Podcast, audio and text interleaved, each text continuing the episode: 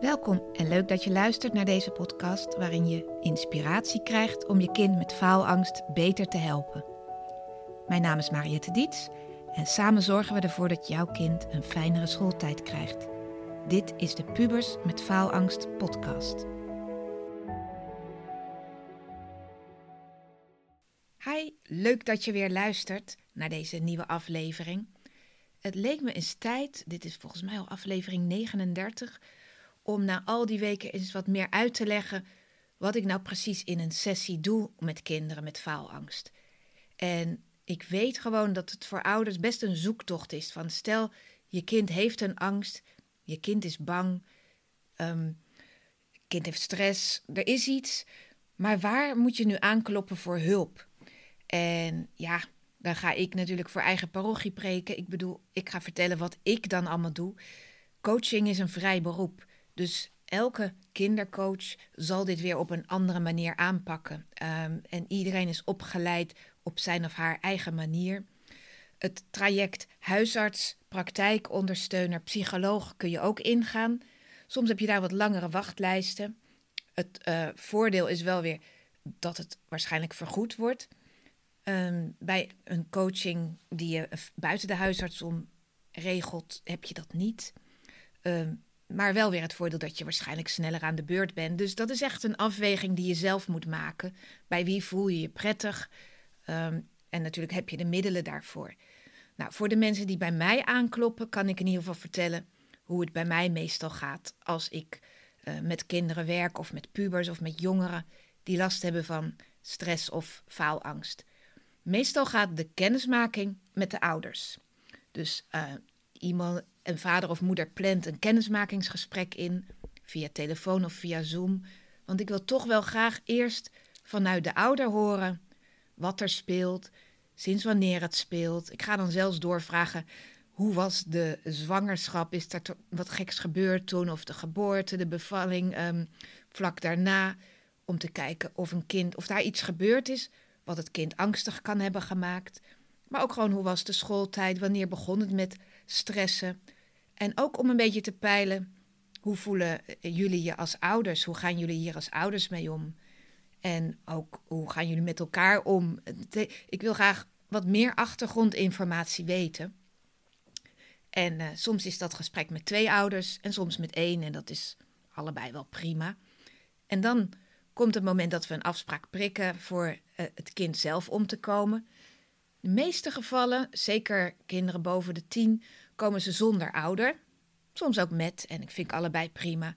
Maar zeker de pubers vinden het vaak ook wel fijn om met iemand te praten zonder dat vader of moeder meeluistert. En uh, ja, meestal doe ik dan een sessie of drie met iemand. En in de eerste sessie is het natuurlijk ook gewoon kennis maken. Ik vertel wat ik doe, hoe oud mijn kinderen zijn, um, wat coaching is. Uh, wat, ja, misschien hebben ze al een beeld van dat ze een stoornis of een angststoornis of wat dan ook hebben, uh, waardoor ze deze faalangst hebben. Dus daar praten we ook over. Welk beeld heb je er zelf van? En ik probeer ook een beetje af te tasten waaruit het zich in. En ondertussen zijn mijn oren heel erg gespitst op wanneer gaat het wel goed, wat lukt er wel. En ja, in zo'n eerste sessie ben ik ook echt contact aan het maken met het kind, want een kind moet zich wel veilig voelen en het idee hebben dat, uh, ja, dat dit wat is. En dat, dat, dat je je daar bij zo'n mevrouw open kan stellen. En um, soms doe ik in de eerste sessie al EFT. Dat leg ik dan zo uit wat dat is. Meestal doe ik eerst wat meer rondom het cognitieve. En daar bedoel ik mee je denkprocessen. En dan ga ik op het bord tekenen. Ik heb hier een heel groot whiteboard. Van vertel nou eens over je laatste angstaanval of paniekaanval. Hoe ging dat dan? En dan ga ik uitschrijven bij, welke, bij, bij die gebeurtenis. Welke gedachten had je? Ga ik best wel lang op in. Wat dacht je dan allemaal? Wat voelde je? Je gevoel. Wat was je gedrag? En wat was het gevolg? Dat noem ik de vijf G's. Hè? Dat ze gebruiken heel veel hulpverleners. Soms gebruiken mensen de 4G's, soms de 5G's. Ik gebruik hem altijd zo dat ik eerst helemaal uitteken hoe het niet helpend is. Dus de, de rode kant, rode gedachten, geven een rood gevoel, bijvoorbeeld stress. geeft rood gedrag. Je gaat blokkeren, eh, je, je, je kan niks meer zeggen of je krijgt een blackout. En ook een rood gevolg, namelijk je haalt een onvoldoende of uh, je durft nu helemaal niks meer. Dus die schrijf ik eerst uit. En dan ga ik vragen: stel je voor, je blijft wel rustig op zo'n moment. Wat voor gedachten zouden je helpen om rustiger te blijven? En dan gaan we heel erg inzoomen op de groene kant. Wat zijn nou helpende gedachten? Wat zijn nou, uh, ja, wel, welk gevoel krijg je daardoor? Maar vooral welke gedachten moet je trainen? En dat leg ik ook echt uit aan kinderen van, je kan maar bewust maar vijf tot negen gedachten tegelijk hebben. De rest filter je allemaal weg. Terwijl jij nu naar deze podcast luistert, ben je niet bezig met uh, hoe je rechtervoet voelt. Maar doordat ik dit nu zeg, komt die voet opeens in je bewuste. Daarvoor was die weggefilterd. Nou, ik leg dat ook uit aan kinderen. Als jij heel veel rode gedachten hebt, dan filter je eigenlijk alles wat groen is al weg. Dus ik ga ze leren van, ga eens heel erg focussen op groene gedachten. Want dan is er ook minder ruimte in je hoofd voor die rode gedachten. En dat snappen ze vaak wel heel goed. En het is niet zo dat rode gedachten uh, niet waar zijn of fout zijn. Hè? Bijvoorbeeld, je bent een toets aan het maken en je weet de eerste drie vragen niet. En um, dan is een rode gedachte: ik kan het niet, ik hou een onvoldoende. En misschien is dat ook wel zo, maar dat helpt niet om dat te denken. Dan kan je wel het omkeren naar een groene gedachte van: ik ga het wel halen. Maar die is niet altijd waar, dus dat pakken mensen ook niet van: oh, dan ga ik dat denken. Maar je kan wel denken: als ik een onvoldoende haal, haal ik het later wel weer op. Die geeft al veel meer rust. Dus ik ben altijd aan het onderzoeken welke helpende gedachten helpen jou, zonder dat ze heel erg in je fantasiewereld gaan. En een helpende gedachte kan al zijn: ik kijk even naar buiten, het schiet me zo wel weer te binnen, ik sla deze vraag even over, ik begin gewoon, het, ik heb het goed geleerd, meer dan mijn best kan ik niet doen. Dus heel erg focus op groene gedachten. Welk gevoel hoort daarbij? Welk gedrag hoort daarbij? Ja, dan ga ik wel schrijven, dan blokkeer ik niet. Gevolg, misschien heb je nog steeds niet een cijfer wat je wilde, maar wel hoger dan wanneer je helemaal blokkeert. Dus dat is wat ik vaak wel in een eerste sessie al doe met uh, iemand met stress en faalangst. Dat ik echt mensen bewust maak, kinderen of jongeren, van, van hun gedrag, uh, van hun gedachtenpatronen. Van wat denk ik nou? Want vaak denk je dat het een automatisme is. Van ik zie dat plaatje voor me en ik krijg al buikpijn of ik moet al overgeven. Sommigen moeten echt overgeven van de stress. Maar er zitten stapjes tussen. En die gaan we dan ontrafelen. Wat denk je dan allemaal en wat kan je ook denken? Nou, dat is wat ik vaak wel allemaal in de eerste sessie doe. En soms ook al wat kleine, korte oefeningen. Ik heb wel een soort lijstje met tien oefeningen die ook helpen gewoon om je hoofd rustig te maken, om je hoofd leeg te maken. Dus die kan ik ook al de eerste sessie al meegeven. Ligt er een beetje aan hoe dringend het is. Ik had laatst iemand die zat de dag voor haar eindexamen. Ja, dan, maak ik, dan stuur ik ter plekke dat lijstje van ga hier maar snel mee oefenen. En dan kan je vanavond nog je rustiger voelen. Nou, en dan soms al in de eerste sessie, maar meestal in de tweede sessie ga ik EFT doen met kinderen, met jongeren ook. En uh, als ze er met de hulpvraag komen, hypnose, dan ga ik lekker hypnose doen. Maar ik heb wel gemerkt dat dat nog wel een drempel bij mensen is. Dus dat benoem ik als een van de opties. Maar meestal vind ik EFT wat toegankelijker bij die leeftijd. Uh, tenzij ze dus echt zelf dat hypnose willen. Maar EFT, dat heb ik al in een andere aflevering uitgelegd. Dan ben je aan het tappen. Ik tap dan op allerlei plekken op mijn hoofd, op mijn gezicht, op mijn hals, op mijn lijf, op mijn vingers. En de ander, die moet dat nadoen. En dan kan je misschien denken, nou, dat gaat mijn kind echt niet doen.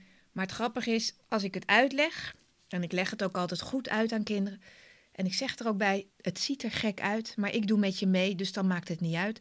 Weet je, het is de energie waarin ik dat overbreng. En ze doen allemaal mee. En ik zal nu ook aan jou als ouder uitleggen waarom ik hier zoveel waarde aan hecht, waarom ik EFT zo helpend vind. Bij EFT ga je, het, het betekent Emotional Freedom Techniek, techniek, de Engelse afkorting is het. Uh, tapping, kan je ook op YouTube heel veel filmpjes over vinden. eigenlijk ga je met je aandacht naar eh, het probleem, de spanning. En dat kan uh, faalangst zijn. Hè? Ik ben bang om voor de klas te staan. Ik ben bang om een toets te maken. Ik ben überhaupt bang voor wiskunde. Of ik ben bang om een vraag te stellen in de klas. Ik vraag dan een kind om naar zo'n herinnering te gaan waar dat gebeurde. Waar of de paniekaanval was, of de blackout, of iets wat niet fijn was. En dan moet de ander dat voelen ergens in het lijf. Bijvoorbeeld, ja, ja, ja, dat voel ik in mijn buik, dat voel ik in mijn keel of ik voel het in mijn handen. Het maakt mij niet zo, goed, niet zo erg uit waar ze het voelen. Ze moeten daar ook een cijfer aan geven. Hoe erg is het op schaal van 0 tot 10? Of ik laat dat met blokjes zien. Dat ze echt voelen van, als ik er nu aan terugdenk, voelt het een 8 bijvoorbeeld. Van ja, dat was echt heel heftig. Als ik, het, ik voel het weer in mijn buik. Ik kan het ook graag eh, zien aan kinderen als ze dat zeggen. Dan of ze worden rood. Van de week had ik een meisje van acht, wat echt, toen ze ergens aan terugdacht, dat echt haar handen en armen gingen trillen. Dus angst zit ergens in je lijf. Nou, door daar zo met je aandacht naar die pijnplek te gaan, naar waar je het in je lijf voelt, wordt ook eigenlijk dat hersengebied in je hoofd, waar al die herinneringen zitten rondom dat nare gevoel, worden geactiveerd. En dan gaan we tappen en daarover praten. En tappen, dat is dat je tikt op je voorhoofd, naast je oog, onder je oog, boven je mond, naar allerlei plekken. Die ga ik nu niet allemaal uitleggen, want het is een podcast, dus ik kan het niet laten zien aan de luisteraars. Maar doordat je aan dat nare denkt en je bent aan tappen, kan jouw brein, jouw werkgeheugen, die denkt, uh, waar zijn we mee bezig? Die kan niet meer bij die heftige reactie. En ondertussen, of je het gelooft of niet, maar die punten waar we op tappen, die komen uit de Oosterse Chinese wijsheid, net als acupunctuur. Dat zijn plekken die meridianen, weet ik veel, die het rustig maken. Ik ben heel pragmatisch in die dingen. Ik weet niet of ik het geloof, maar het werkt wel. En dan doe ik dat gewoon. En ik blijf het ook doen omdat het werkt. Dus we tappen op allerlei plekken die je hoofd rustig maken terwijl we praten. Soms laat ik een kind mij napraten en dan is het gewoon van: ik, ik vind wiskunde zo moeilijk. En dan zegt hij: Ja, ik vind wiskunde zo moeilijk. Ik heb er zo'n hekel aan. Ik heb er zo'n hekel aan. Allerlei zinnetjes. En die zeg ik en die moet een kind herhalen om ook in dat, in dat gevoel te blijven. Terwijl we dus aan het tappen zijn. En als ik van plek verander, verandert de ander ook van plek. Dus die doet mij gewoon na. Ik raak het kind ook niet aan. Die doet alles bij zichzelf. En als we op al die plekken getapt hebben, terwijl we gepraat hebben, soms stel ik vragen, soms laat ik dingen herhalen, soms zeg ik gewoon: ga eens met je aandacht naar dat gevoel.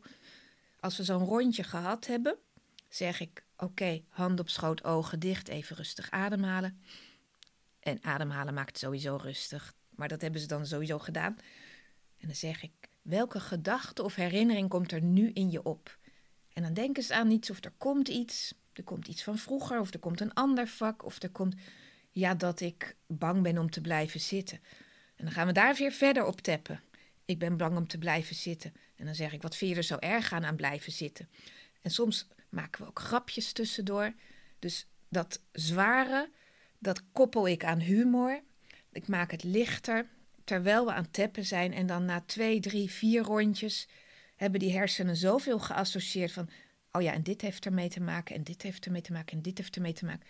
Dat op een gegeven moment dan vraag ik... als je er nu aan denkt, uh, hoe is het dan nu op schaal van 0 tot 10? Ja, beter. Ja, hoeveel beter? Ja, uh, een 3. dan ben je al van een 8 naar een 3. En dan gaan we door, net zolang tot het een 0 of een 1 is. Wat maakt het nog een 3? Ja, uh, dit en dat. Dan gaan we op dit en dat nog even tappen. Dus dat kan soms wel een half uur duren of drie kwartier. Als een kind op een gegeven moment zegt: ja, er komt echt helemaal niks negatiefs of geen piekergedachten meer in me op. Het voelt helemaal rustig. Nou, dan heb ik mijn doel bereikt. En ik ben vaak dan ook rustig, want ik zit ook mee te tappen op al die meridianen, weet ik veel. Dus we zitten daar allebei zen te wezen. Dan zeg ik: hou even je ogen dicht. En stel je voor dat je met dit rustige gevoel aan het leren gaat en je voelt vertrouwen. En dan maak ik zo'n visualisatie die je hier in deze podcast ook af en toe hoort, maar dan wat korter. Dat je zoveel vertrouwen voelt en het gaat allemaal goed. En je gaat je rijexamen doen met zoveel vertrouwen en je voelt dit. En dan maken we een nieuw filmpje. En dat werkt. Ik krijg allemaal positieve reacties hierover terug. Dat het geholpen heeft, dat een kind veel minder bang is, dat er niet meer gespuugd wordt in de ochtend voor een examen. Al dat soort dingen helpen. En dan heb ik eigenlijk pas twee sessies met iemand gewerkt. Nou, dan doen we nog een derde sessie. En dat is vaak om het nog even te bekrachtigen. Van hoe ging het? Ja, het ging beter. Heel goed, wat heb je anders gedaan? Wat ging er beter? Want ik wil alsmaar dat wat goed ging versterken, zodat een kind ook vertrouwen krijgt van hé, hey, dit heeft mij geholpen, dit gaat me helpen, dit blijf ik doen. En soms tappen we dan nog een keer als er nog restjes met stress zijn of andere dingen. Ik heb ook wel iemand hier die heeft stressdingen met school, stressdingen met thuis, stressdingen met vriendinnengedoe. Dan zeg ik ook, wat, wat wil je deze week aanpakken? En dan gaan we eerst daar allerlei dingen op tappen en de volgende sessie over een ander thema. Want vaak als een kind een bepaalde faalangst heeft, speelt het ook wel op andere gebieden. Misschien ook op sociaal gebied. En welke puber heeft nou niet gedoe op sociaal gebied? Dus daar is ook de volgende sessie dan nog voor om daar nog wat extra in op te ruimen. En ik ben daarvan van als dingen zijn opgeruimd, dan gaan we er wat nieuws in stoppen. Versterkende gevoelens. We gaan praten over kwaliteiten. Wat maakt jou nou uniek of leuk of bijzonder? Uh, dus ja, welke talenten heb je? En we hebben een beetje een hekel, misschien of jeuk krijgen we van het woord talent, maar gewoon welke eigenschappen heb je die jou nou jou maken? Wat vinden vriendinnen nou leuk aan jou? Of wat vinden je ouders leuk aan jou? En echt versterken van jij bent een uniek mens met al jouw leukigheden. En niet iedereen hoeft die te waarderen. Je moet gewoon de juiste mensen vinden die dat zoeken in een ander. Dus dan gaan we wat meer aan dat zelfvertrouwen werken. En als het rondom toetsen en cijfers gaat, van wie ben jij nog los van al je schoolcijfers? Want er is bij sommige kinderen echt zo'n patroon ontstaan dat je hele identiteit hangt aan welke cijfers je haalt, hoeveel likes je krijgt, hoeveel volgers je hebt. En uh, dan moet je dus echt terug naar wie ben jij en wat wil je brengen in deze wereld. Dus dat is ook wel weer wat dieper om het over dat soort dingen te hebben. Ligt ook een beetje aan de leeftijd van het kind en of het kind daar zin heeft om daarover te praten. Dus dat is zo al met al wat ik doe in coaching. Uh, dus eerst dat met die gedachten. En die blijft belangrijk. En die is ook voor ouders belangrijk. En die is, ja, eigenlijk iedereen moet dat snappen. Dat is gewoon zo'n basisding. En het tweede is dan EFT. En soms hypnose. En het derde is nog een keer, de derde sessie is nog een keer alles versterken. En meestal is het dan wel goed genoeg.